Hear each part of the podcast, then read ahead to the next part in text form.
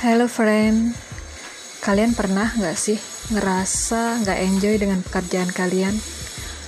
Bukan karena banyaknya tugas yang kalian kerjain, tapi lebih karena kita nggak menikmati apa yang kita kerjakan. Yang lama-kelamaan malah menjadi beban yang numpuk yang ujung-ujungnya males banget buat dikerjain.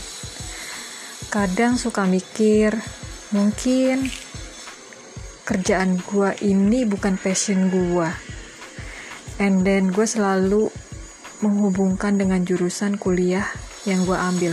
Loh kok bisa? Lah iya misalnya waktu kuliah gue ambil jurusan ekonomi. Walaupun hati nurani gue pengen banget ambil jurusan psikologi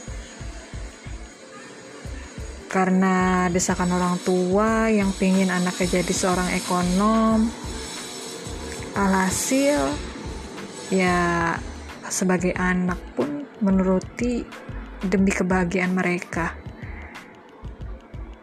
Dan saat terjun ke dunia kerja si anak ini gak enjoy dengan kerjaannya. Meskipun kerjaannya tuh relate dengan jurusan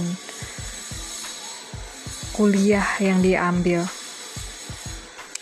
dan hal ini jadi berpengaruh dengan produktivitasnya yang gak maksimal dalam pekerjaannya.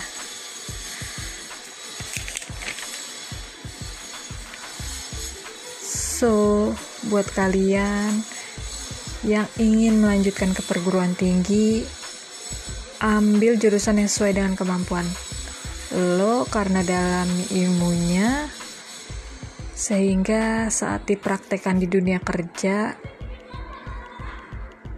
lo selalu semangat buat mengerjakannya. Dan lo nggak merasa salah jurusan